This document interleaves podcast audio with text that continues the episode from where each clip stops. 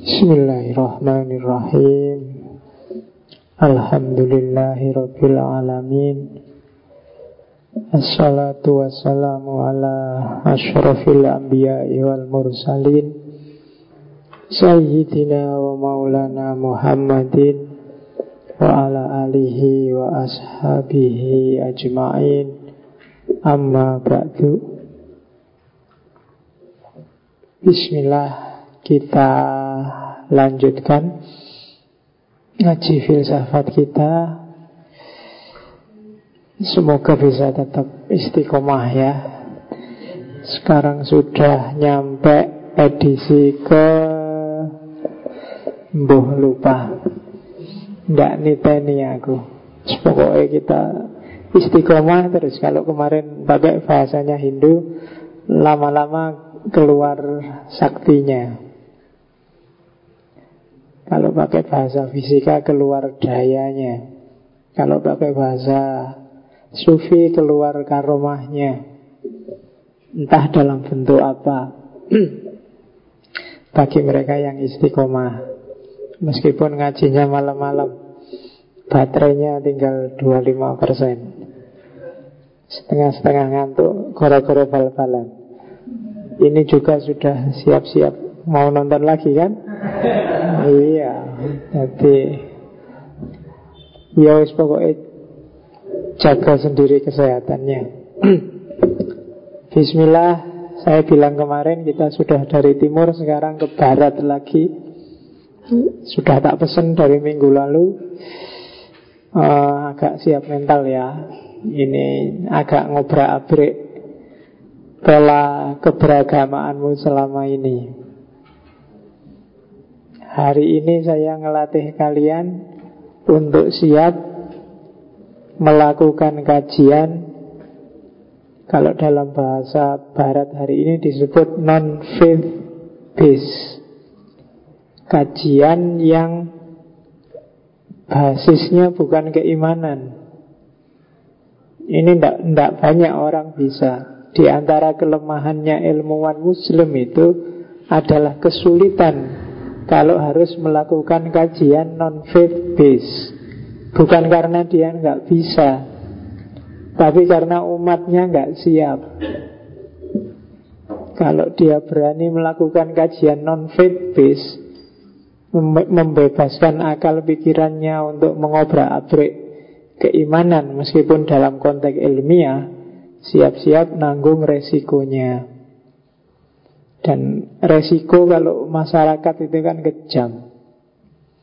Ya kan nggak cuma kamu diintimidasi tiap hari kamu bisa karirmu mati kamu bisa jangankan yang kayak gitu.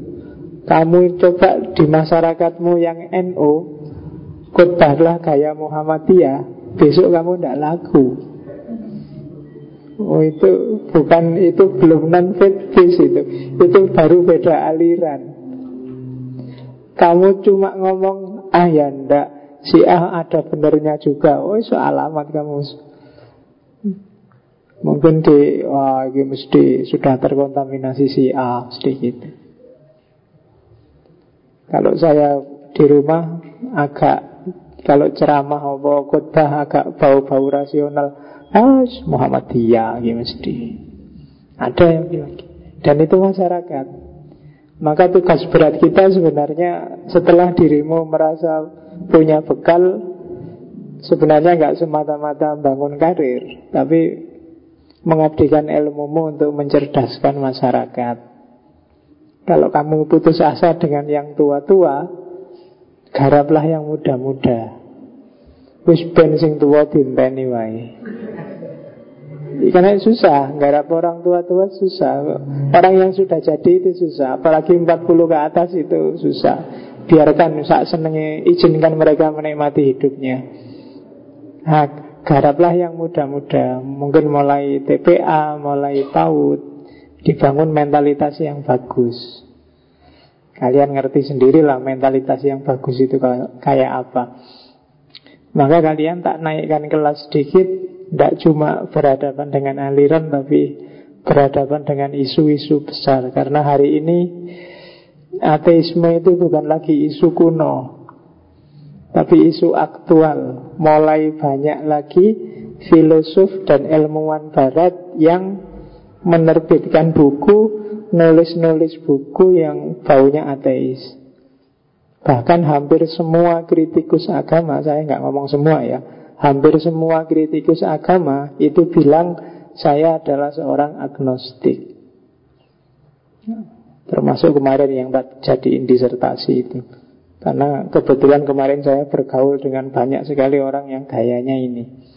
Maka malam ini tak jadiin tema pertama ketika kita kembali ke barat. Tak bagi tiga. Mungkin malam ini ateis. Minggu depan mungkin yang agnostik. Minggu depannya lagi saya ingin ngomong teodisi. Teodisi itu orang yang tidak percaya Tuhan karena dianggapnya dunia ini rusak, banyak kejahatan, banyak kekacauan, di mana Tuhan? Nah, itu teodisi. Kamu kan sering gugat kayak gitu. Di Nepal ada gempa sedahsyat itu. Meskipun kamu menampilkan foto masjidnya selamat. Mending orangnya yang selamat Tidak apa-apa masjidnya roboh Ya kan kamu kok bangga masjidnya selamat 5000 orang selamat Alhamdulillah daripada Masjid tidak sing selamat Pasar Johar kebakar sedasat itu. Quran selamat Bawa mending Qurannya beberapa agak nggak selamat Tapi kios-kiosnya selamat ya mending kiosnya Ya kan? Kamu mikirnya kok kualik. Oke. Itu nanti kita ketemu di teodisi. Malam ini kita belajar pelan-pelan aja nggak usah yang dahsyat-dahsyat. Ini semacam pengantar ateisme. Biar kalau ada orang ngomong ateis-ateis itu apa ya ngertilah. Kan, iya, karena sekarang kan kadang-kadang kamu banyak loh di sekelilingmu satu dua mahasiswa yang gaya pakai istilah ini. Saya ateis saja pak. Saya kafir liberal. Nah,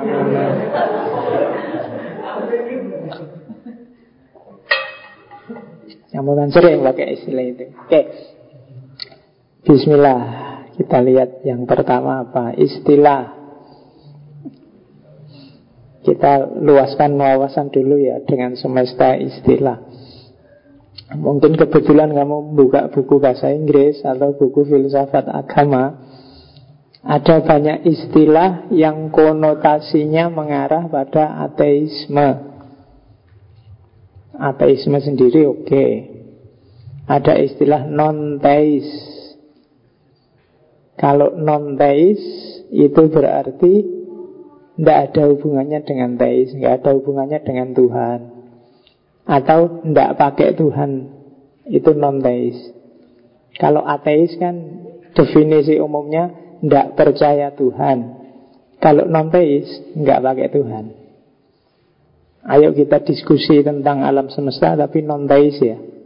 Itu bisa. Makanya Buddha itu kadang-kadang disebut agama yang non-teis Terus ada juga istilah antiteis Antiteisme Kalau antiteisme itu ateis.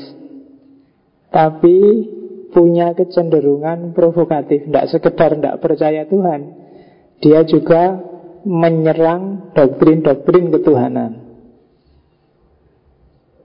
Antiteis itu dekat dengan ateisme yang aktif atau ateisme yang kuat. Kan ada ateisme yang lemah. Ateisme yang lemah itu pokoknya aku tidak percaya Tuhan titik. Tidak ngomong-ngomong ke orang juga tidak apa-apa. Sih penting aku percaya. Ora ono Gusti Allah kintiha. Itu ateis yang lemah. Ateis yang kuat itu biasanya coraknya antiteis. Ada ada antinya di depan. Jadi tidak sekedar kafir tapi juga provokatif bahkan destruktif. Makanya Dajjal itu kalau di dunia Kristen disebut antikris antikristus anti ya anti mesaya Oke, itu antiteis. Jadi dibedain ya kalau pakai istilah. Kalau yang ateis itu yang tidak percaya, titik. Kalau yang non teis itu yang tidak ada hubungannya, tidak perlu dibahas sama antiteis. Kalau antiteis ini ya sudah, nah mungkin nyerang, nantang debat, aksinya provokatif, nah itu antiteis. Terus ada lagi apateis.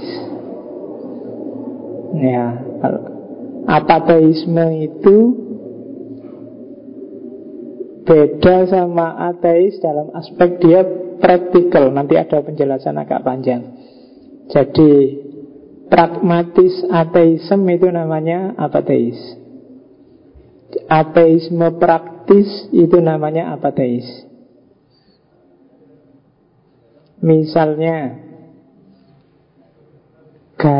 kamu ngakunya percaya sama Allah Tapi kamu juga maling Kamu juga Quran aja dikorupsi Kamu juga Itu ateis Orang haji aja duitnya dihabisin dikorupsi buat haji Bagi-bagi buat keluarganya. Itu kalau pakai teori ini namanya ateis Batinnya sih ngaku percaya Tuhan Tapi perilakunya enggak. Hari ini kan banyak orang jenis itu. Percaya sahabat sih percaya Allah ada sih pak percaya. Tapi kelakuannya ngalang-ngalai yang kafir ngalang-ngalai yang murtad. Itu apa teis practical atheism ada agnosticism agnosticism itu agak gandeng sama antiteism. Cuma agnosticism itu sifatnya skeptis. Tidak percaya orang bisa ketemu Tuhan dengan akalnya Tidak percaya orang bisa memahami Tuhan pakai akalnya Tidak percaya orang bisa ngerti tentang Tuhan Itu agnostik Akal tidak akan mampu memahami Tuhan Manusia nggak akan bisa menangkap Tuhan Jadi ya Nah, itu agnostik sifatnya cenderung epistemologis. Kalau ateis ini cenderung praksis, cenderung urusan percaya tidak percaya. Tapi kalau agnostik ini urusan pengetahuan yang sifatnya skeptis. Tidak mungkin lah orang bisa memahami Tuhan. Yang kamu sembah itu kan cuma persepsimu, definisimu sendiri-sendiri tentang Tuhan. Itu agnostik. Ada lagi yang nggak pakai A tapi pakai I. Ignosticism. Ignosticism ini nanti kita ketemunya dengan positivisme logik. Minggu depan kita ngomong ini agnosticism. Termasuk ignosticism. Definisinya adalah non-cognitive theology. Semua yang diomongkan oleh agama, khususnya tentang Tuhan, itu meaningless nggak ada gunanya nggak masuk akal itu agnosticism jadi masih dekat sama agnosticism. Kalau yang bawah-bawah itu istilah-istilah populer yang sering dipakai di buku-buku. Misalnya anti-religion. Anti-religion ini kadang-kadang tidak sama persis dengan ateis. Hari ini banyak orang barat yang punya jargon Religion. No, spirituality yes Beragama tanpa Tuhan banyak. Tidak senang dengan agama formal. Tapi kalau Tuhan, kalau Spiritualitas ya tidak apa-apa. Kenapa tidak senang agama formal? Karena dogmatis. Ngatur hidup yang kadang-kadang tidak kontekstual Ya seperti kritiknya orientalis pada agama-agama kan itu Apalagi Islam. Islam itu kan agama yang paling sering dituduh totaliter. Totaliter itu berarti Agama yang ngurusi kehidupan dari A sampai Z. Kamu kan merasa bangga kalau dibilang Islam itu lengkap Ngurusi Mulai bangun tidur sampai tidur lagi Mulai kamu kecil. Itu justru dikritik oleh orang barat. Agama yang totaliter itu mandek Tidak berkembang. Karena sudah dipatenkan semua. Ya kan? Mulai urusan kencing sampai urusan itu kan diatur. Zaman saya dulu di pondok kalau kencing harus jongkok kakinya diangkat dikit yang sebelah. Kan gitu. Nggak boleh ngadep kiblat. Terus kalau sudah mau selesai harus dehem dua kali. Biar tuntas loh kalau kamu ngaji kita kuning ada itu. Jadi harus jongkok kakinya diangkat sebelah. Terus kalau bisa pakai Baju jangan celana Tapi semacam sarung jadi diangkat gampang. Kalau celana ya dicopot semua Jangan ngaduk kiblat. Dan setelah mau selesai dem Dua kali. Biar tuntas. Oke, Diatur sampai sedetail itu. Ini kan mandek dalam arti Gimana kalau kamu ke hotel Kamu ke mall? Kamu mau kencing sambil nongkrong itu kamu bisa dipukuli sama cleaning service-nya. Karena tempat kencingnya nggak untuk kencing jongkok. Ya kan? Karena ada pak yang buat orang buang air itu yang ada kamarnya. Iya. Tapi kan tetap konstruksinya nggak sama dengan teologimu. Dan kamu juga nggak nyamin bisa kan pakai itu. Biasanya kalau kamu keluar kan basah semua. Biasanya gue cedok, gue semprot, cuas mesti teles kafe. Oke, okay. itu anti religion. Jadi tidak setuju dengan agama formal karena itu tadi sok ngatur totaliter orang jadi nggak bebas. Agama ya jangan terlalu usil lah maunya mereka. Diurusi aja spiritualitas. Kalau diurusi semua, lah zaman berubah ya. Realitas ini dinamis Gimana kalau sudah dipaten harus kayak gitu? Susah. Makanya Terus mereka jadi anti sama agama formal. Ini kan yang terus mati-matian diupayakan Para pembaharu dengan istihadnya Dengan melenturkan cara berpikir Dengan membuka lebar-lebar Pemikiran baru, epistemologi baru Arkun, Hasan Hanafi dan kawan-kawan mati-matian kan memperjuangkan agar agama formal ini tidak totaliter, agar orang tidak memedomani letter lucknya tapi visinya. Kenapa sih kok kencing sampai segitunya ya? Yang biar bersih dan tuntas nggak jadi masalah. Jangan-jangan kalau kamu kencing berdiri dimasukkan lagi keluar lagi. Kan visinya di situ. Nah sekarang ada alat kencing yang model itu yang kalau sudah bisa tuntas ya tidak apa-apa mungkin berdiri. Karena kalau kalian duduk di situ kan malah susah. Kayak WC kamu biasa jongkok dikasih WC duduk yang kamu tetap jongkok aja. ya kan? Itu susah. Ya itu masih mending. Saya punya temen nggak ngerti dianggap tempat kencing itu dianggap tempat berak. Jadi begitu dia pingin itu di situ. Oh cleaning service-nya kan ya bisa marah luar biasa itu kan.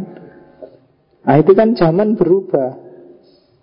Kalau kita tidak berubah, kayaknya masih totaliter ya orang jadi bingung dengan agama formal. Maka terus muncul anti religion. Mirip dengan irreligion Kalau irreligion itu sudah putus habis dengan agama Agama itu tidak ada gunanya Agama itu destruktif Ada lagi istilah non-believer. Non-believer itu orang yang tidak beriman. Ini sebenarnya istilah teologis. Sifatnya dogmatis. Non-believer ini mainnya nanti di kategori dan konflik dan debat. Siapa yang masih tergolong believer, siapa yang tidak tergolong believer. Itu nanti ada temanya sendiri. Dan yang terakhir, yang sering disambungkan dengan ateisme itu secular humanism. Humanisme yang sekuler. Ini jasanya, bukan jasanya. Diawali oleh Sartre. Existential humanism. Yang digabung dengan teorinya Immanuel Kant. Lahirlah sekuler humanism Humanisme sekuler Kenapa sih sekuler? Karena sekuler itu Sekuler itu kan Agama urusan agama Dunia urusan dunia Sekuler Kalau dibiarkan Apalagi diradikalkan Dia pasti akan jadi deistik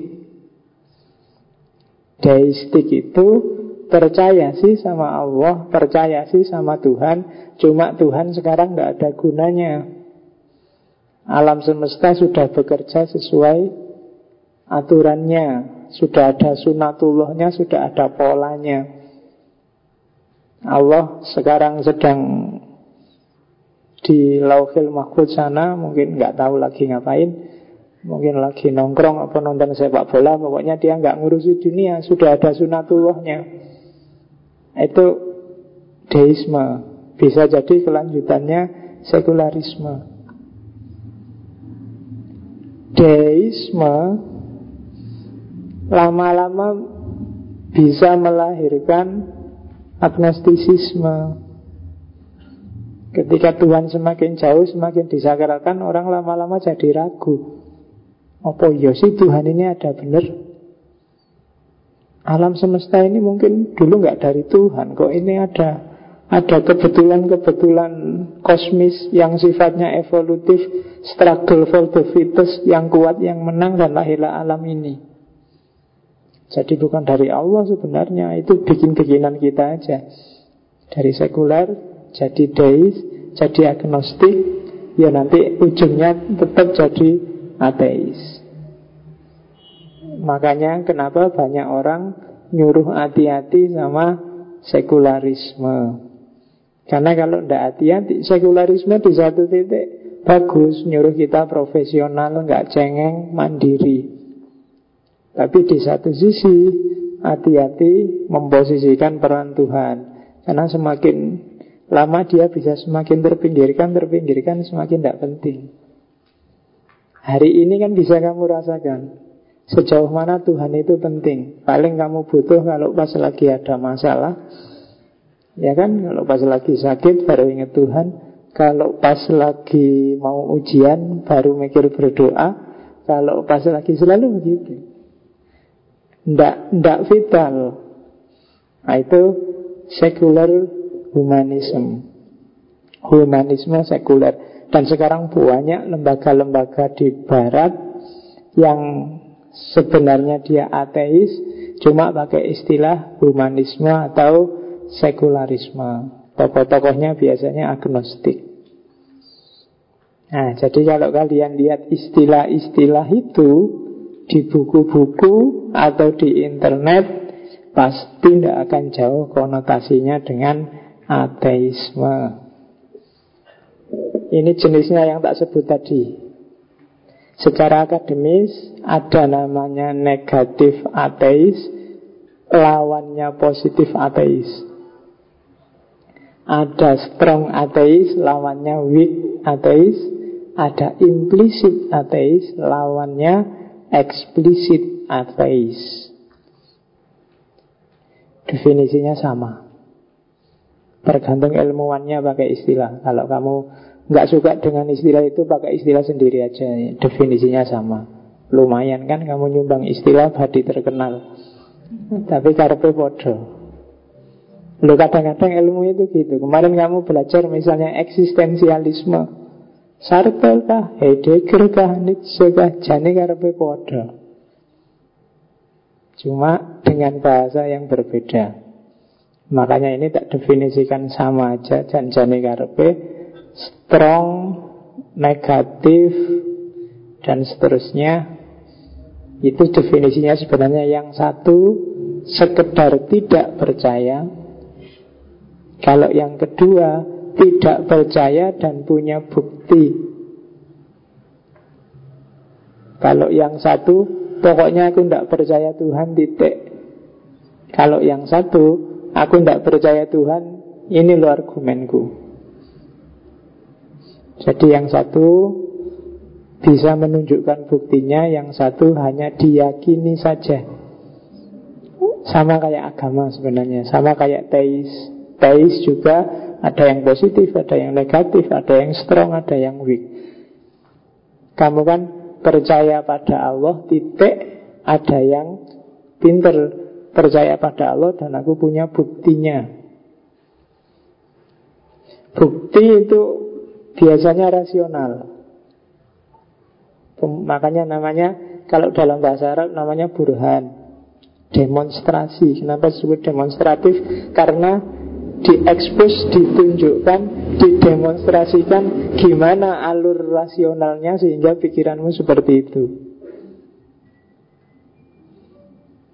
Kalau di wilayah ini bukti di wilayah keimanan ini buktinya tidak boleh kamu bilang aku iman pada Allah buktinya apa Quran. Lah kok kamu percaya pada Quran karena Quran dari Allah itu bulat. Jadi Iman pada Allah. Buktinya apa? Quran. Nah Quran aja kamu percaya kenapa? Karena dia dari Allah. Nah itu kalau di logika namanya tasalsul. Jadi maka iman pada Allahnya nggak boleh bukti Quran. Harus ada bukti rasionalnya. Baru setelah Allah tegas dia ada secara rasional ada Kan dia menurunkan wahyu. Nah itulah Quran. Kamu percaya Allahnya dulu baru Qurannya jadi tidak bisa bukti yang lebih rendah. Kenapa kamu percaya Allah? Karena ada di Quran. Lah kenapa kamu percaya Quran? Karena dari Allah. Itu tasalsul. Tasalsul itu bulat. Kayak orang ngomong sapi adalah lembu dan lembu adalah sapi Podoai Itu namanya bukan bukti Tapi ngulang-ulang. Kalau bukti ya harus disusun. Nanti pada saatnya akan ada sesi pembuktian adanya Tuhan setelah dihancurkan habis-habisan di 3-4 pertemuan awal. Sengaja tak balik karena kalau tak awali dari bukti adanya Tuhan, terus yang terakhir-terakhir ateis, yang nyantol di kepalamu ateisnya. Jadi tidak apa-apa lah Biar aja nanti ini Setelah menghancurkan Tuhan Terus puasa ya Kamu tobatlah satu bulan Nanti jawabannya setelah puasa. Semua yang tak omongkan ini nanti ada sudah bantahannya Ada jawabannya. Cuma ya Ada sesi yang lain untuk ngomong Tentang kritik pada ateisme. Oke. Nah Ada dua jenis ateisme Ateisme teoritis dan ateisme praktis kalau ateisme teoritis nanti ngomong argumen-argumen karena tadi punya argumen. Kalau ateisme praktis itu tadi yang disebut apateisme. Bukti paling mudah seorang apateis adalah orang yang menjalani hidupnya tanpa Tuhan. Bahkan tanpa percaya pada hal-hal yang supranatural paranormal. Karena biasanya orang ateis itu hanya percaya pada yang bisa dibuktikan secara positif. Positif itu berarti yang masuk akal dan material. Jadi kalau ada orang yang dipikir hanya materi aja itu berarti Tuhannya hilang itu orang menghayati hidup tanpa Tuhan ikut terlibat. Itu namanya apateis. Ateisme praktis Mungkin orangnya sendiri tidak bilang seperti tak bilang tadi Nggak bilang aku ateis Tapi gaya hidupnya ateis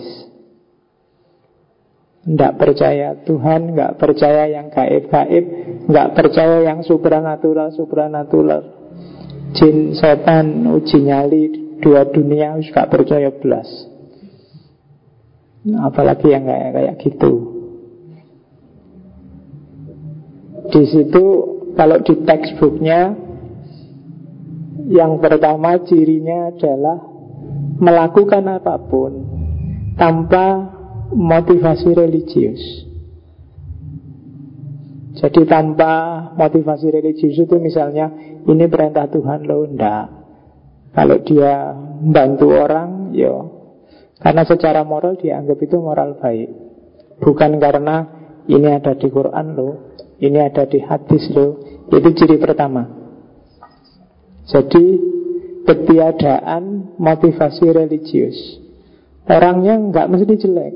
Bisa jadi lebih bagus dia daripada kamu yang beragama. Cuma perilakunya yang bagus itu tanpa motivasi agama. Terus yang kedua Dia tidak pernah mau capek-capek mikir tentang Tuhan. Ini yang praktis ya. Karena dia, kalau ada orang tanya, kok kamu mau sih jadi orang ateis? Tuhan itu kan bisa dibuktikan, lihatlah alam semesta. Dia tidak, dia tidak mau. Sudah aku nggak mau mikir, pokoknya tidak percaya. Daripada kamu capek-capek ngajak aku debat, kalau sudah nggak percaya ya sudah, itu ateisme praktis. Yang penting dia menghayati hidupnya tanpa ada Tuhan. Yang ke ya kelanjutannya kenapa dia tidak mau diajak diskusi tentang Tuhan karena di samping itu hal-hal tentang agama, tentang supernatural dia abaikan, tidak penting. Kenapa kok dianggap tidak penting, tidak mau diskusi? Karena dia memang tidak tahu. Bukan ahli ilmu, bukan ahli filsafat. Dia praktisi ateis. Nah, susah ya. Kerjaanmu apa? Praktisi, Pak. Praktisi ateis. Nggak enak ya, kan yang bayari. Kamu bisa dipenjara kalau di Indonesia katanya nggak boleh ateis.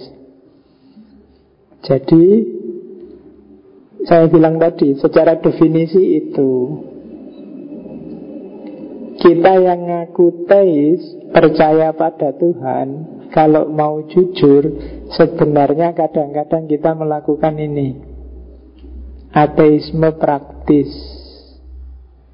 Tuhan sering hilang dalam hidup kita. Tuhan sering tersisihkan.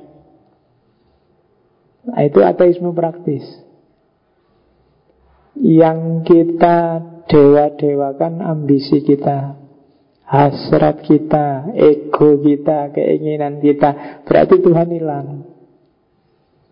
Bukan keinginan Tuhan yang kita bela, tapi kadang-kadang ego kita yang sudah terlanjur memahami agama sebagai A, sebagai B, dan itu kita anggap maunya Tuhan. Tuhannya sendiri tersisihkan. Jadi hati-hati meskipun kita ngakunya ndak ateis, tapi dalam kategori ateisme praktis ini, jangan-jangan kita sering jadi pelaku. Ya kamu tinggal mempresentasi sendiri deh. Hidupmu yang 100% itu kira-kira Tuhan terlibat berapa persen? Kadang-kadang sholat aja Tuhan gak terlibat sama sekali. Mulai Allah Akbar sampai salam itu loh Tidak ndak merasa sama sekali bahwa Allah itu hadir Pokoknya formalitas Allah Akbar Bismillahirrahmanirrahim. Gitu. Kamu suara dari luar masih masuk. Ada orang ngomong apa juga masih mikir Kok habis sholat mau tak jawab itu Aku ngerti. Pokoknya. Ya kan? Kadang-kadang kan gitu. TV juga masih kedengeran. Tiba-tiba ingat laptop belum dicas Allah bahkan dalam sholat aja Allah nggak hadir Apalagi nonton sepak bola. Ya kan? Kalau misalnya Ronaldo mau ngeguling terus nggak jadi, kamu bilang astagfirullah, mau bilang as. Apa ya? ya asliannya apa astagfirullah? Itu itu membuktikan Allah hadir apa enggak? Itu makanya hati-hati. Kalau ateisme teoritis pasti enggak, tapi kalau ateisme praktis hati-hati. Jangan-jangan hidup kita bisa lebih 50% ateis. Karena kita sisihkan Allah. Orang yang tidak ateis praktis itu Mau minum misalnya Kira-kira Allah ridhonya itu minum gaya apa ya? Nah itu Allah hadir waktu minum. Yuk sekarang aja yang tadi enggak.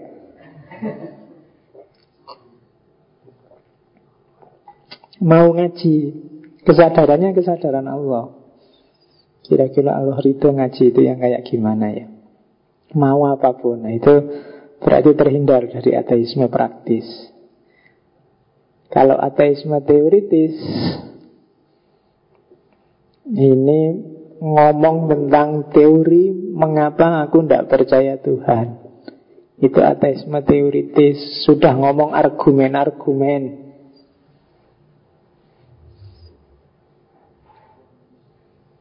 Argumen nya ada argumen epistemologis, ada argumen kosmologis, nanti banyak argumennya. Orang yang percaya Tuhan kan juga gitu, mengusung argumen-argumen.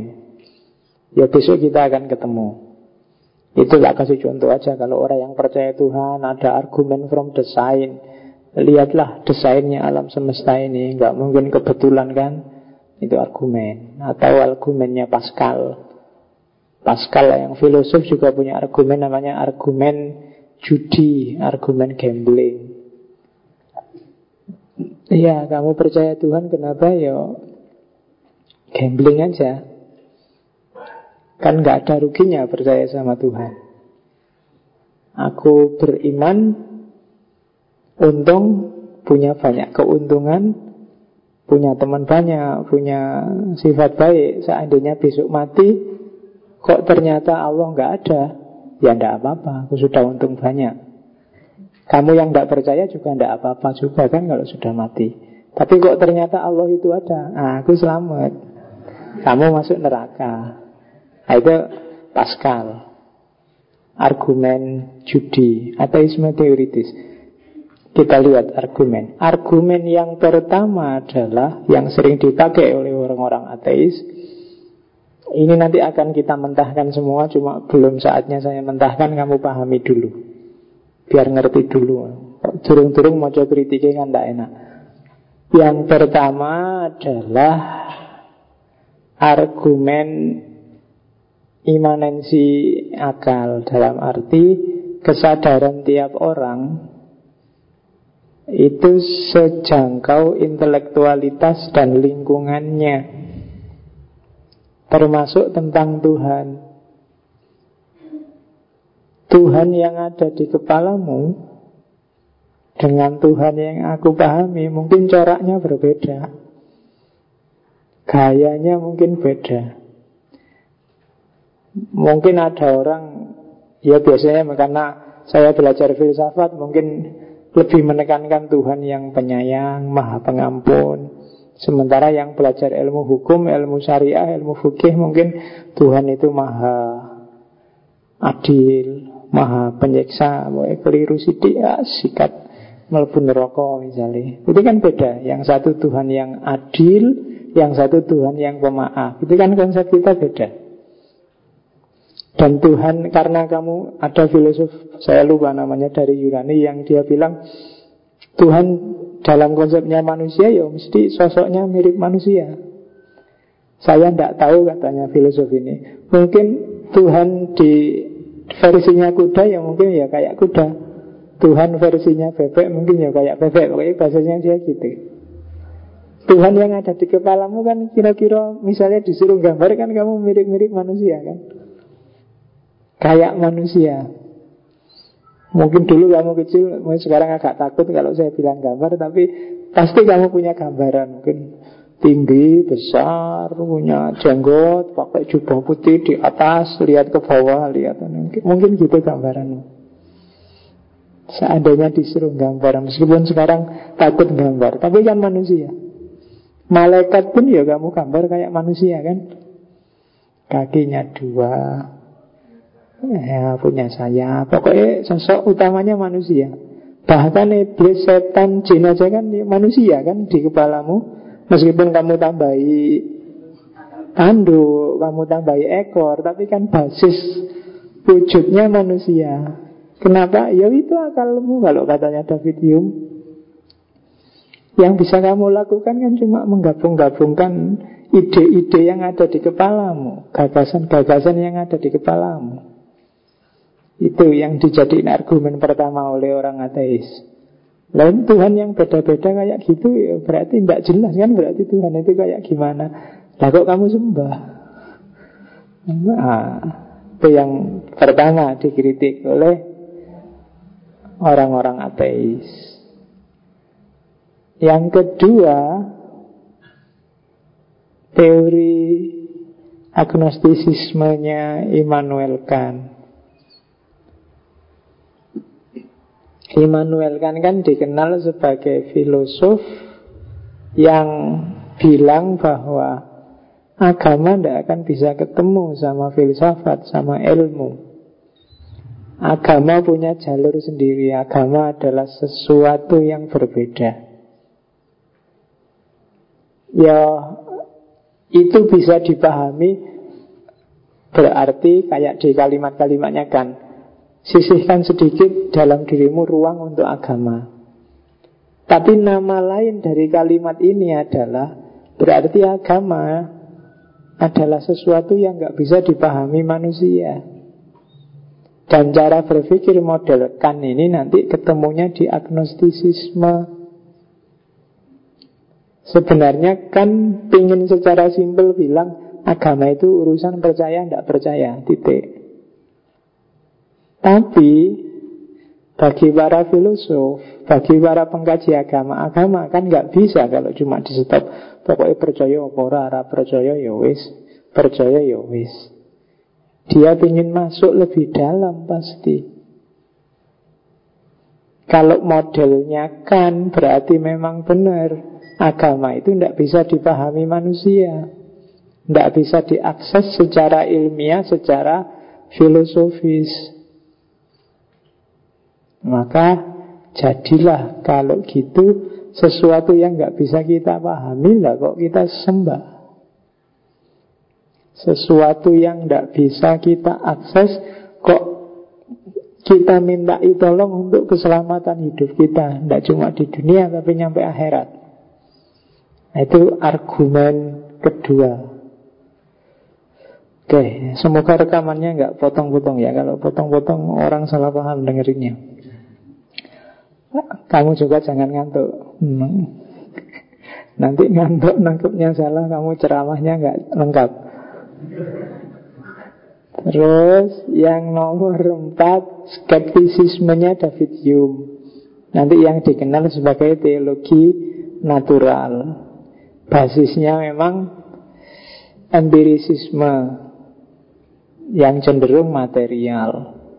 Jadi tidak percaya sesuatu yang tidak bisa diakses secara empiris.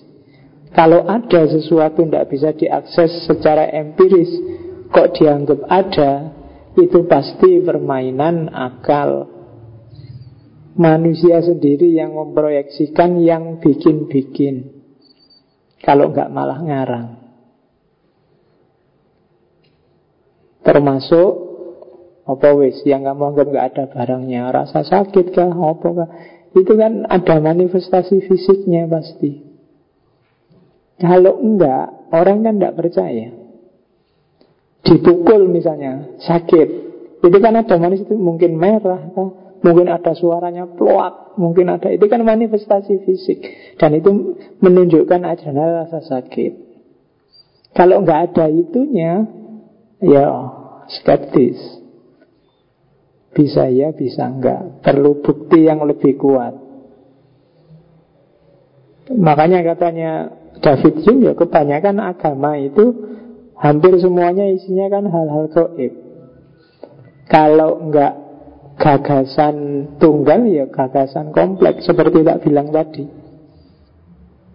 Jadi cara berpikir yang menggabung-gabungkan ide lama yang sudah ada. Termasuk tentang hal-hal yang sifatnya eskatologis. Gaib, jin, setan, kan gitu. Setan itu kan di kepalamu selalu ada tanduknya. Terus giginya apa ada siungnya. Karena kamu anggap setengah hantu. Matanya merah. Terus itu kan gagasan-gagasan tentang apa yang kamu gabung jadi satu lahirlah wujudnya setan. Gondorwo misalnya oh, Pokoknya Gondorwo ya tinggi, besar, bulunya panjang Itu kalau kamu cermati nanti lahirnya gagasan kompleks Kalau David Hume ada gagasan tertentu yang digabung-gabung jadi satu, lahirnya satu entitas. Kolam susu, itu kan gagasan tentang kolam plus gagasan tentang susu digabung. Di, di bumi ini hanya zaman dulu ada kolam susu, sekarang mungkin tidak ada. Kolam madu apalagi di Arab aja nggak ada, adanya di surga. Itu kan gagasan kompleks. Sirotol mustaqim seperti rambut yang dibelah tujuh. Itu kan gagasan tentang rambut sama gagasan tentang membelah-belah. Digabung jadi kalau rambut dibelah tujuh dahsyat mungkin ya apalagi tajamnya ngalah-ngalahi. Itu kan gagasan kompleks katanya David Hume. Malaikat yang kamu bilang tadi pakai jubah, jubahnya warna putih, pakai sayap, Terus di kepalanya ada lingkarannya. Kenapa di kepalanya ada lingkarannya? Untuk menunjukkan beda alam, Pak. Kayak orang mati. Kok pakai sayap? Karena katanya bisa mengitari bumi dalam waktu sekian detik bisa memutari bumi. Kalau memutari bumi kan harus terbang, Pak. Kalau jalan kaki enggak, enggak mungkin, Pak. Ah, untuk bisa terbang kan harus punya sayap, Pak. Oh, itu David Hume. Gagasan kompleks yang bermain. Termasuk juga mungkin pikiran-pikiranmu tentang eskatologi surga neraka. Isinya surga sekarang mungkin kayak hotel bintang 5 ada spring bed terbaik, pelayan-pelayannya luar biasa ada. Kayak gitu kan gambarannya. Kalau di neraka ya semua lah tukang ada di sana mulai dari palu, bergaji, lenggis, apalagi rantai. Ono kono kabeh. Iku lak barang sini semua kamu impor ke sana. Iya kan? Oke. Itu David Hume. Argumennya orang ateis keempat. Yang kelima argumen epistemologisnya orang ateis adalah agnosticism semua katanya orang positivisme logik Saya bilang tadi ini akan kita bahas agak serius minggu depan. Semua istilah-istilah Yang ada hubungannya dengan Tuhan Itu kalau katanya positivisme logik itu meaningless. Meaningless itu tidak bisa dijelaskan.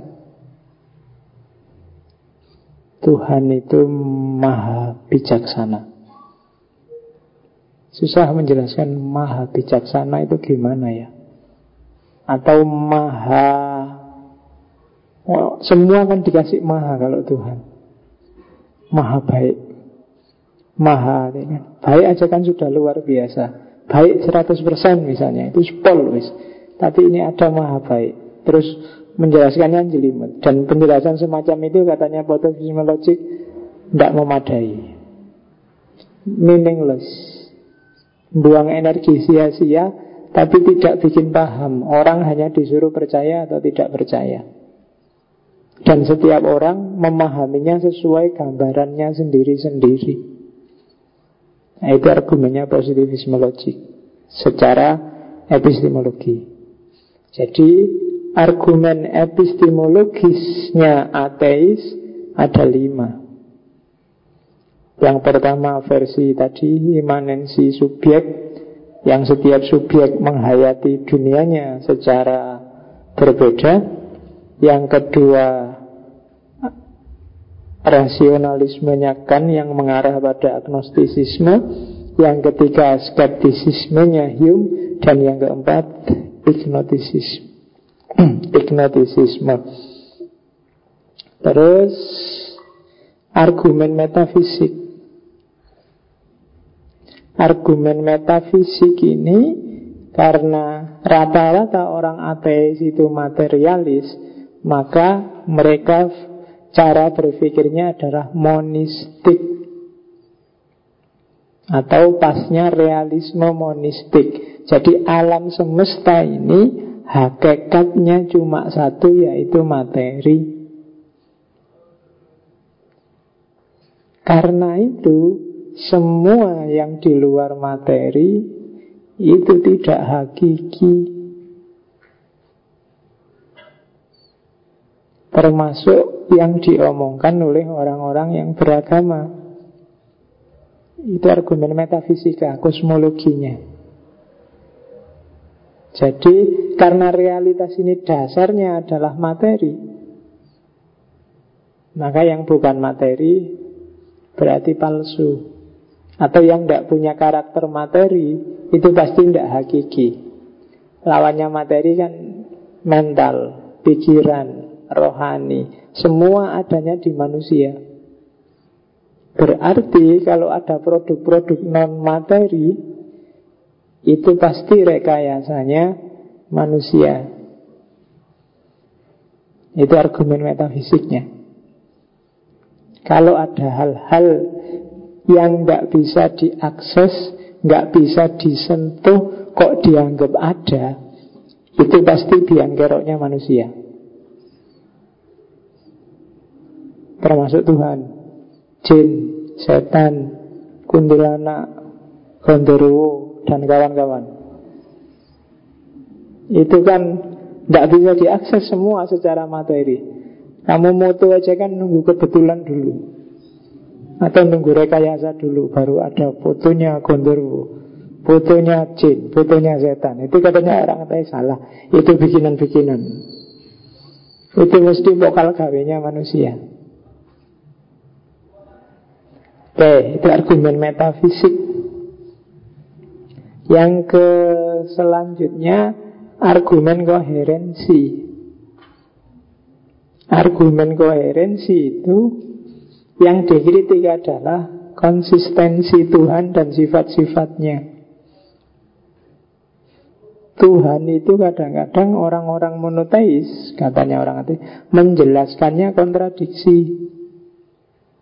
Tuhan yang maha penyayang tapi dia juga maha penyiksa. Rohman Rohim, tapi syadidul ikob. Itu kan kontradiksi kalau katanya orang ateis. Kok iso? Kalau Rohman Rohim, Wafurur Rohim itu nggak ada orang yang masuk neraka.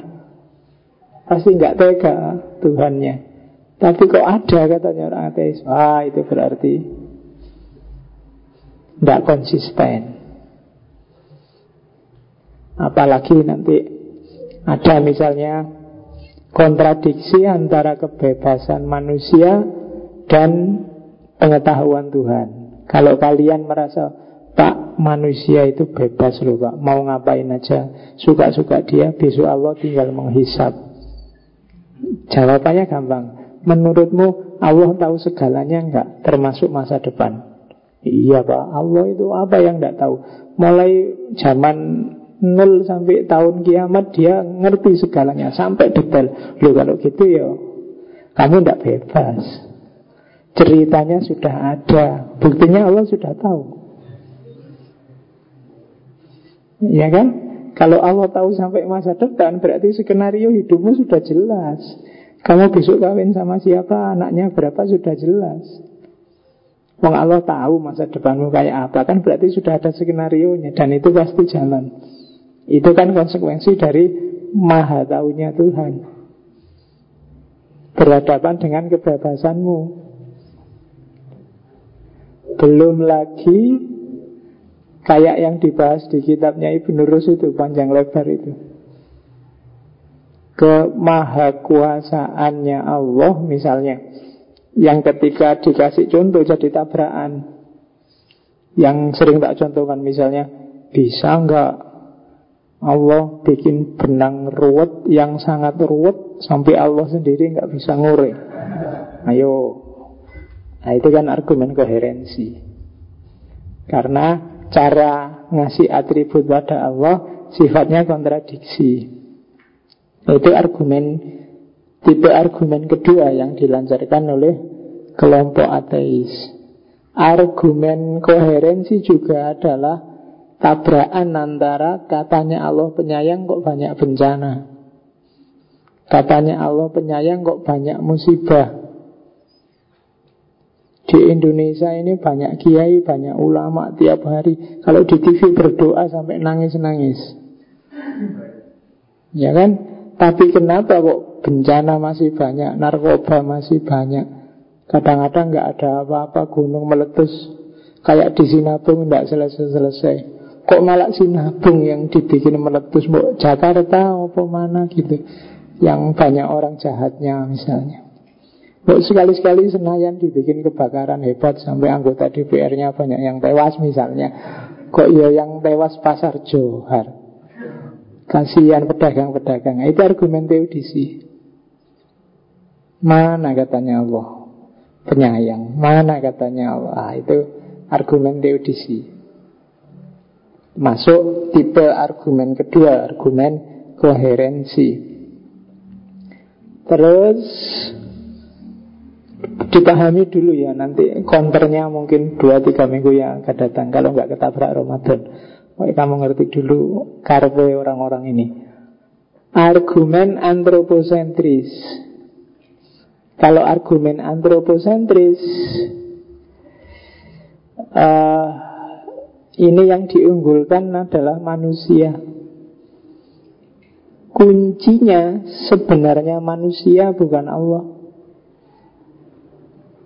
Kalau kita nggak jadiin Allah, nggak jadiin Tuhan itu sebagai sembahan, ya nggak jadi Tuhan dia. Dia jadi Tuhan kan karena kita sembah. Berarti kuncinya manusia bukan Tuhannya. Buktinya apa? Orang bisa ganti-ganti Tuhan kok? Dari Tuhan A pindah ke Tuhan B pindah ke Tuhan C. Berarti yang dahsyat itu manusia Tuhan aja bisa ganti-ganti Bisa jajal. Kamu misalnya ah, jajal A Pengen ngerasa kayak agama aku. Itu Ternyata bisa Kalau seandainya kamu mau iseng kayak gitu Itu lo bisa. Berarti aktor yang sesungguhnya itu bukan Tuhan Tapi manusia. Jadi selama ini kalau memang manusia aktornya Lah ngapain kita bersandar pada yang selain manusia Ngapain kita menggadaikan nasib kita pada yang di luar diri kita nah, Itu argumen antroposentris Nanti banyak diikuti oleh para filosof eksistensialis seperti Sartre dan kawan-kawan. Karena manusia dianggap kuncinya peradaban. Nanti ini yang jadi basisnya peradaban modern. Nah ini kalau pakai istilahnya Richard Dawkins. Richard Dawkins ini ateis kontemporer hari ini yang yang banyak dibahas orang. Jadi kepercayaan pada Tuhan itu bisa dibagi prosentasenya semacam itu. Yang pertama adalah strong base, orang base yang kuat. 100% pokoknya percaya ada Tuhan. Yo kalimatnya ya pokoknya aku beriman dan aku paham dengan keimananku. Aku tidak hanya percaya, aku tahu. Derajatnya di bawah strong base itu base. Beriman tapi kurang dari 100%. Aku tidak paham tapi aku percaya. Mungkin sebagian besar kita ada di sini. Karena kamu kan nggak pernah mikir. Iya. Pernah kok kamu mikir serius? Jangan-jangan yang tak imani ini apa ya? Tak kejar referensinya ke mana? Itu kan jarang kita Pokoknya manut bapak kecil Ya.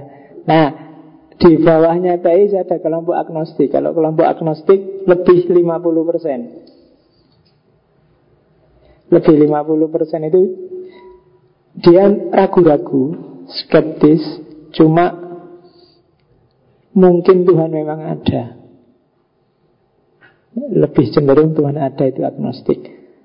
Di bawah itu ada yang setengah pas.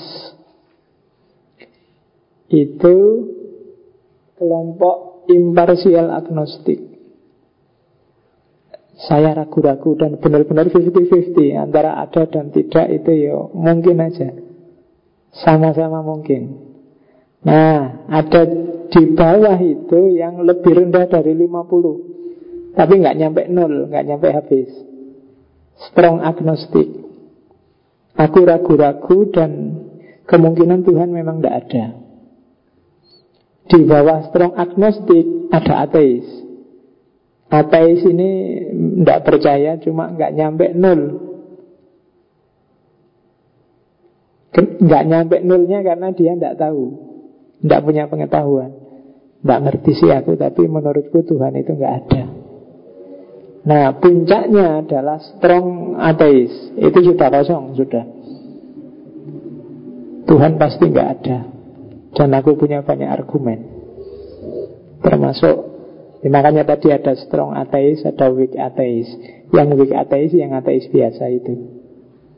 Nah itu Formulanya Richard Dawkins Yang nulis God Delusion Buku buku paketnya ateis kontemporer.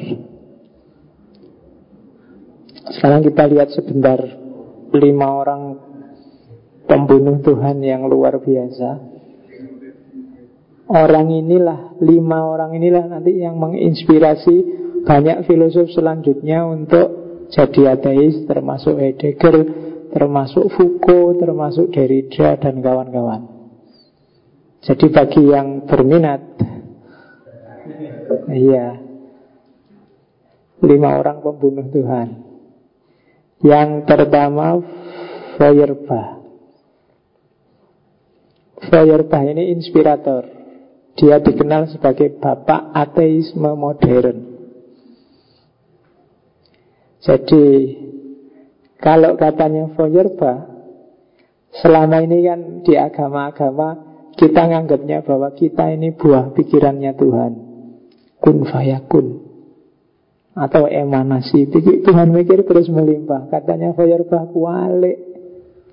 Justru Tuhan itu buah pikiran kita. Kenapa begitu? Nah, ini ada. Katanya Fayarbah Gini loh Manusia itu punya karakter kalau dia menghasilkan sesuatu Pasti ingin sempurna. Kamu ingin nulis Itu kan karepmu lahir tulisan terbaik. Meskipun hasilnya jelek. Yang penting karepmu kan yang terbaik. Kalau kamu masak juga ingin melahirkan masakan paling enak. Kalau kamu bikin teh ingin melahirkan teh paling dahsyat Itu cirinya manusia Meskipun hasilnya biasa-biasa aja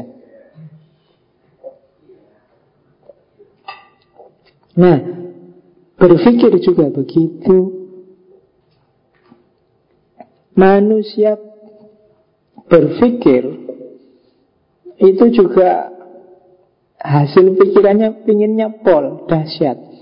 Kebaikan juga ingin kebaikan yang puncak. Mikir tentang kebaikan yang puncak. Mikir tentang apa? Kasih sayang yang puncak. Mikir pokoknya ah, lama-lama berpikir paling bagus, paling baik, paling indah. Yang paling-paling ini terus seolah-olah jadi sosok sendiri.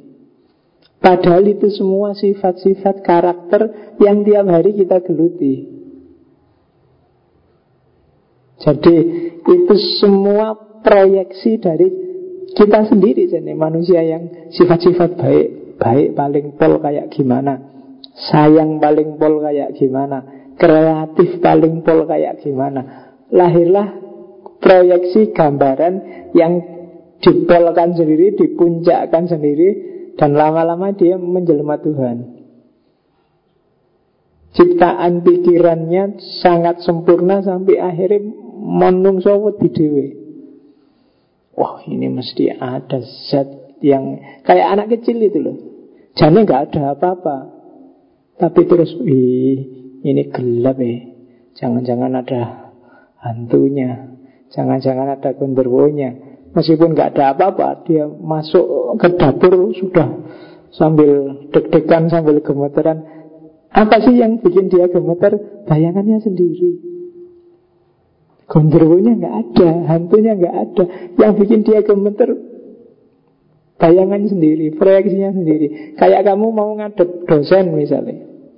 Itu kan kamu kadang-kadang deg-degan mikir gimana ya, aku naik skripsi dimarahi kalau dikasih catatan. Itu kan kamu deg-degan duluan. Yang bikin deg-degan kan bukan dosen itu, tapi gambaranmu tentang jangan-jangan dosen itu marah, dosen itu kritis. Hal yang sama terjadi dengan manusia tadi yang memproyeksikan sesuatu yang paling baik, sesuatu yang paling tinggi. Lama-lama dianggap punya eksistensi sendiri, terus dia takut sendiri, dan akhirnya disembah. Wah, kalau yang paling baik, yang paling indah, yo harus disembah ini. Akhirnya apa? Manusia terjebak di sini. Dia kehilangan jati dirinya. Dia terasing dari dirinya sendiri. Padahal tadi kasih sayang, kreativitas, kebaikan Itu miliknya tinggal dia realisasikan beres. Sekarang dikasihkan semua ke zat yang dia ciptakan sendiri Yang sekarang bikin dia takut. Yang terus dia sembah, dia minta doa. Karena dia sempurna, wah ini diminta doa. Itu fayarba. Jadi agama itu hanya proyeksi pikirannya manusia sendiri. Nah, fayarba nanti disempurnakan oleh kalmak. Kalmak menyempurnakannya bukan apa-apa. Fayarba benar. Tuhan itu cuma proyeksinya manusia. Hanya fayarba lupa. Ngapain sih manusia kok kurang kerjaan sampai memproyeksikan Tuhan? Nah, alasan itu yang belum dibahas oleh Feuerbach.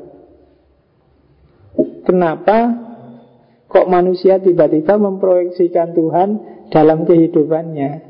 Alasannya katanya Kalmak, karena dalam kehidupan nyata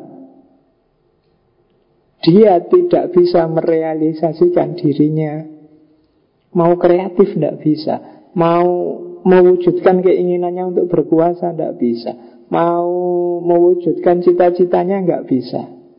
Semuanya macet. Maka segala kebaikan, segala kreativitas yang sekarang numpuk di dada Diproyeksikan jadi namanya Tuhan.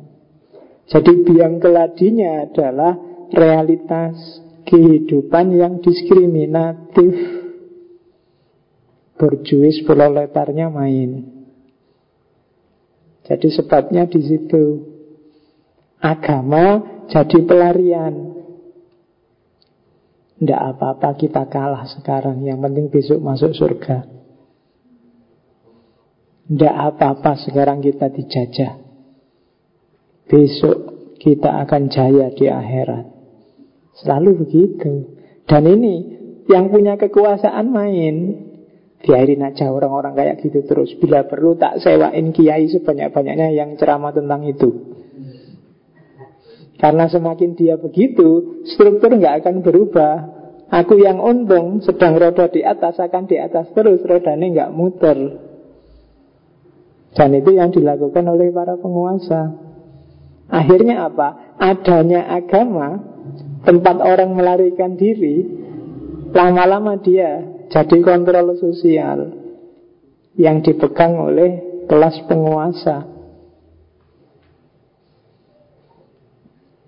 Oke, oleh karena itu perlu revolusi proletar. Itu kalimat kelanjutannya. Tapi intinya itu yang yang sampai kalimat bilang religion is the opiate of mass. Agama adalah candu masyarakat. Kenapa candu? Ya itu tadi bikin orang terlena Bikin orang lupa, bikin orang nggak sadar kalau dia tertindas. Bikin orang lupa bahwa itu Tuhan itu kamu sendiri yang bikin karena kemarin tertindas. Dianggapnya benar-benar ada. Jadi dia semacam candu. Itu katanya kalmat. Nah, kalmat diekstrimkan oleh Nietzsche. Feuerbach benar, kalmat benar. Maka jalan untuk manusia eksis jadi dirinya adalah Tuhan harus dibunuh. Ya. Tuhan sudah mati dan kita yang membunuhnya. Nah itu Nietzsche. Siapa yang membunuh Tuhan? Ya kita. Kenapa kok Tuhan dibunuh? Karena kemarin kita yang menciptakan. Sekarang saatnya kita bunuh biar kita bebas. Tidak lagi terikat. Agama bikin kita jadi pengecut. Bikin kita lari dari kenyataan. Bikin mentalitas kita kayak kayak budak.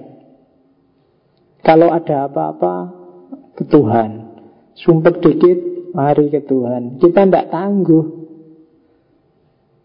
Kita Tuhan selalu dijadiin kambing hitam. Tuhan dijadiin pelarian kalau ada masalah.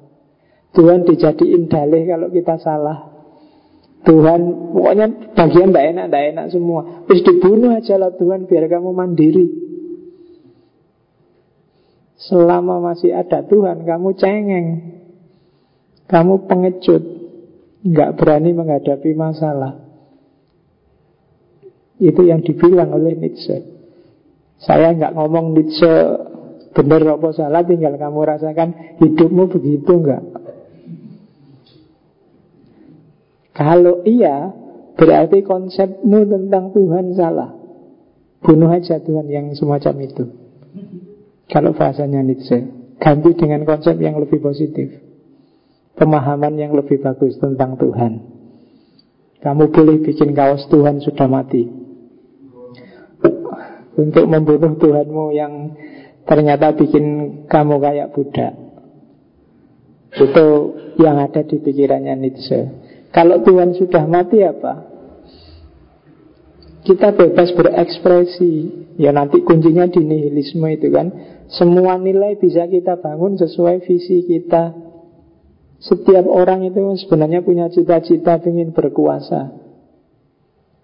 Tergantung ya sesuai besar kecil keinginannya tapi dia kan ingin menguasai. Cuma terlalu banyak pagar yang dibikin sehingga kehendak untuk berkuasanya tidak bisa terlampiaskan dengan bebas sehingga dia terasing dari dirinya sendiri maka buanglah semua pagar termasuk Tuhan itu Nietzsche.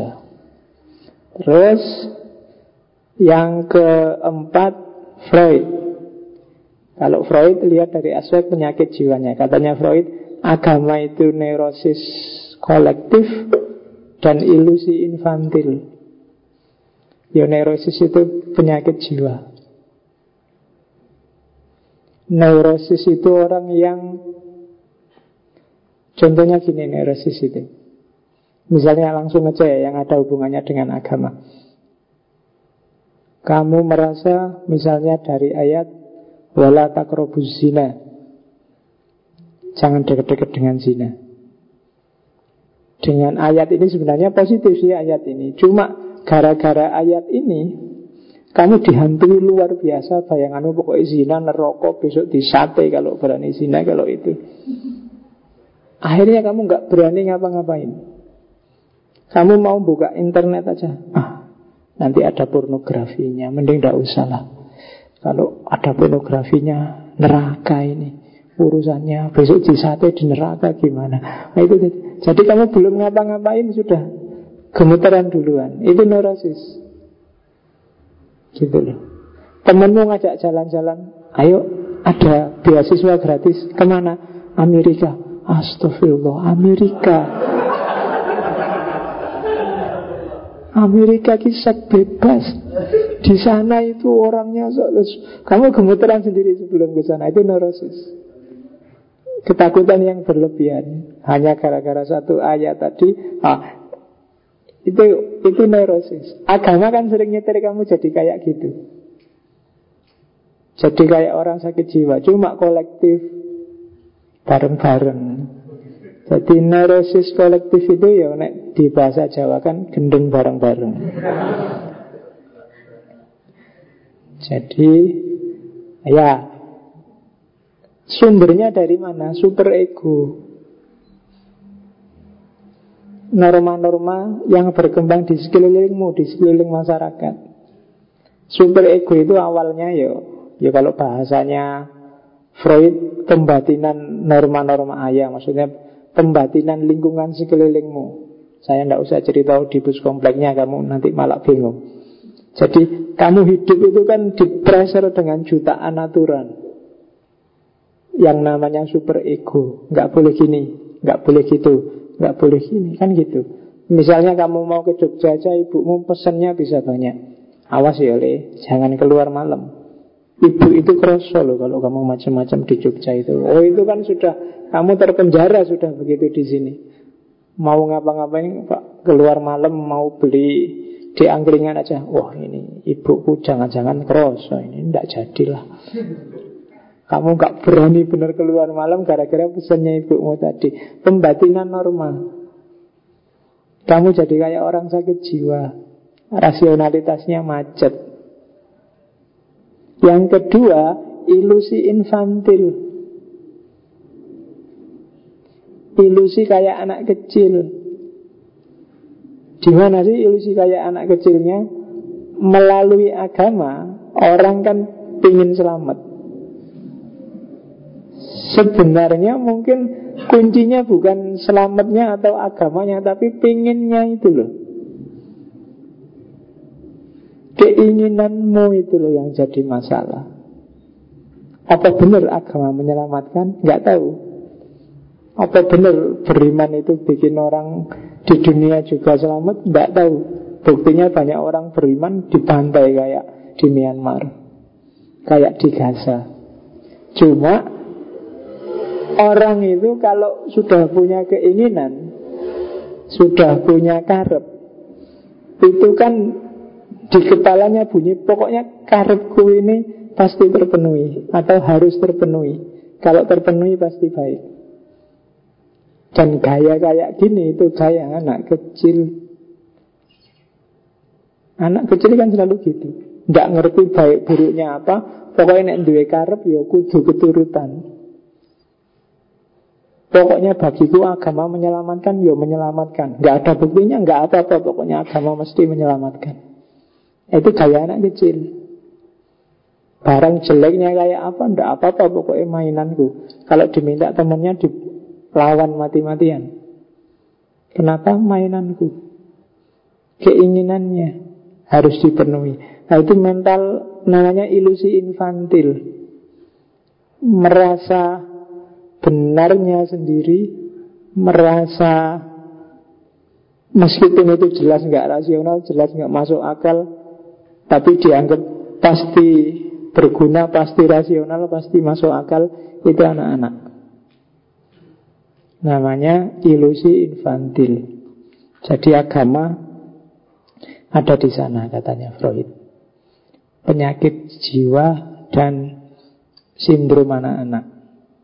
Jadi yang masih percaya Tuhan dan percaya agama itu antara orang gila atau masih kecil mentalnya.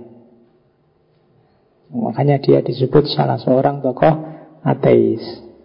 Dan yang terakhir Sartre kalau Sartre nggak perlu tak jelasin, dia pembunuh Tuhan nomor satu demi manusia. Kalau ingin bebas berarti nggak boleh ada Tuhan. Kalau ada Tuhan berarti kamu nggak bebas, simple. Kalau kamu percaya Tuhan berarti kamu bukan manusia, kamu benda. Kan Po, ensua dan eter ensua tiga itu kan? Jadi manusia itu ada bagi dirinya. Dan dia bisa melampaui dirinya Bisa membangun dirinya Bisa mengkreasi dirinya Bebas hakikat hidupnya Cuma kalau ada Tuhan selesai. Karena dia tidak hidup demi diri dan untuk dirinya Mesti nanti ke Tuhan. Maka Orang jangan nyari kerajaan Tuhan Kayak di Kristen itu. Juga bukan kerajaan materi Ngapain?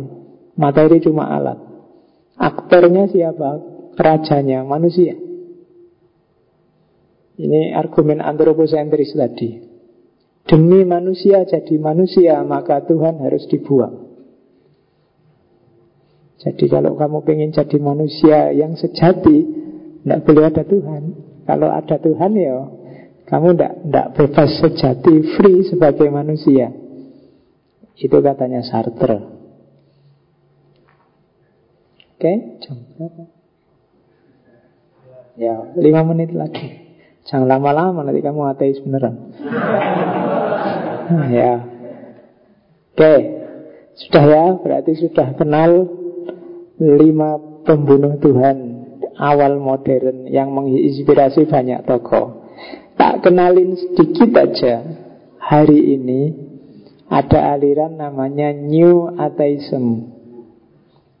Kalau ateisme klasik itu biasanya orang jadi benci sama Tuhan sama agama, pemicu yang paling banyak itu perang salib.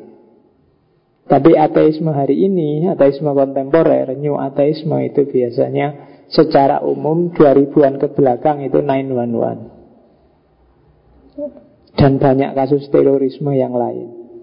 Orang mulai meragukan lagi Tuhan dan agama. Ada empat tokoh yang dikenal. Yang pertama Richard Dawkins tadi yang tak sebut, God Delusion, bukunya banyak orang ini banyak didiskusikan di mana-mana. Mahasiswa filsafat harus agak nyenggol-nyenggol sini dikit kalau ingin ngerti perkembangan kontemporer. Yang kedua, Daniel Dennett, Breaking the Spell. Dawkins sama Dennett ini agak temen, kolega intelektual. Pikiran-pikiran anti Tuhannya baunya naturalisme. Jadi argumen-argumennya argumen ilmiah. Bahwa alam, kayak orang deis. Bahwa alam semesta ini sudah ada hukumnya. Sudah ada mekanismenya. Dan nggak ada tempat buat Tuhan. Ada lagi Christopher Hitchens God is not great Tuhan itu tidak luar biasa God is not great ini lawannya Allah Akbar Iya. Kalau Allah Akbar kan God is great. Nah ini God is not great. Kalau ini lebih filosofis. Kalau yang Dawkins sama Dennett agak ilmiah. Atau Sam Harris. The End of Faith. Akhir dari keimanan. Kamu jelajah itu buku-buku ateis terbaru. Beberapa saya lupa mana di antara empat itu Tapi kelihatannya kalau sekarang semuanya sudah bisa di-download Ya mesti bahasa Inggris Saya tidak tahu boleh nggak diterjemahkan dalam bahasa Indonesia Kalau yang ngeritik Ada buku yang terkenal Anthony J. Gold itu Judulnya Rock of Ages Itu ngeritik ateismenya orang-orang di atas Yo, namanya dunia ilmiah yang ngeritik nanti bisa dibalas lagi oleh orang-orang itu ada kritiknya lagi. Biasa. Jadi itu kajian baru new ateisme. Tapi tipe argumennya tidak jauh berbeda. Mirip-mirip antara ateis lama sama ateis baru. Muaranya tetap apa yosi ya Tuhan itu ada. Oke, okay. itu new ateisme. Sudah selesai, masih ada nggak ya? Oh ini anu quote dari beberapa tokoh ateis. Saya untung nggak tak sebut namanya. Misalnya, we are all born atheist until someone start telling us lies. Kita itu lahir kan ateis semua. Kamu lahir kan tidak Islam, tidak Yahudi, tidak Ya kan? Ini kan kayak hadisnya Nabi. Kulu mauludin yuladu lalu fitrah. Cuma itu bahasa Inggrisnya Ya ateis nggak sama dengan fitro Cuma itu mungkin dia nerjemahin hati separuh. Kita semua lahir ateis. Cuma kalau Nabi kan bapak ibunya yang bikin Yahudi Nasrani Kalau ini ya sampai ada orang yang ngomong hal-hal penuh kebohongan Ngomong aneh-aneh hayalan ya agama maksudnya Akhirnya kita nggak jadi ateis kita dibohongi ada Tuhan, dibohongi ada surga dan neraka. Jadilah kita beragama.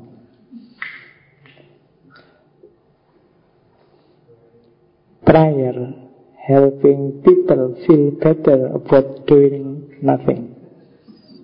Doa itu membantu kita merasa lebih baik meskipun nggak ngapa-ngapain. Jadi ini ateis juga katanya dia manfaat itu bahasa lainnya manfaat doa paling dahsyat adalah menjustifikasi orang males.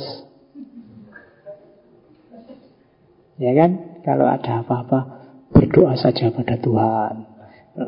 Kita doakan saja.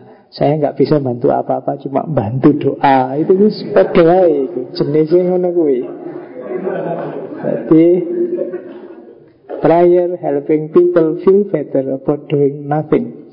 Jadi orang lakoni opo-opo tapi biar kelihatan kayak melakukan sesuatu itu biasanya jalan keluarnya doa. Kita doakan saja. Uangmu sudah habis ya? Ya tak doain semoga segera dapat kiriman. Loh itu kan cuma doa. Coba action. Kamu kasih utangan kan beres. Tapi kan enggak kamu doa. Tadi ini kamu tidak mau ngutangi Kan gitu Doing nothing Ini Scientists read many books and still feel they have a lot to learn. A religious man barely reads one book and think he knows everything.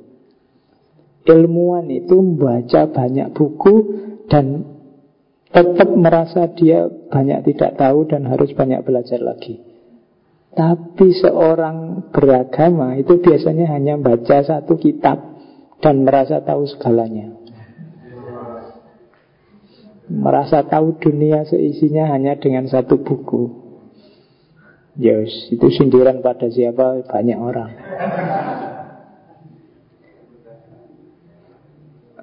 Ini terakhir, Hipokritus. Nah, ini agak guyon sebenarnya. Langsung tak Indonesia kan ya. Jadilah seorang komunis sampai kamu kaya. Kalau sudah kaya jadi kapitalis. Jadilah feminis sampai kamu menikah. Kalau sudah menikah jangan ngurusi anak, istri, suami. Kalau kamu jadi feminis kacau rumah tangga. Dan terakhir Jadilah ateis sampai kamu naik pesawat terbang dan mau jatuh. Nah, kalau kalau iya, kalau kamu naik pesawat terbang terus mau jatuh, baru tobat lah ya, baru percaya sama Tuhan. Jadi jadilah ateis sampai kamu naik pesawat dan mau jatuh. Hipokritus. Oke. Saya kira itu untuk ateisme saya tidak tahu minggu depan kalau tidak teodisi ya agnostisisme. Kita pelajari pelan-pelan dunia orang-orang yang mengkritisi Tuhan dan keberagamaan.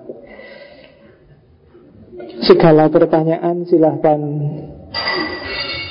dikirim online. Facebook monggo. Saya kira itu. Wallahul muwafiq wallahu a'lam wal afu minkum wassalamualaikum warahmatullahi wabarakatuh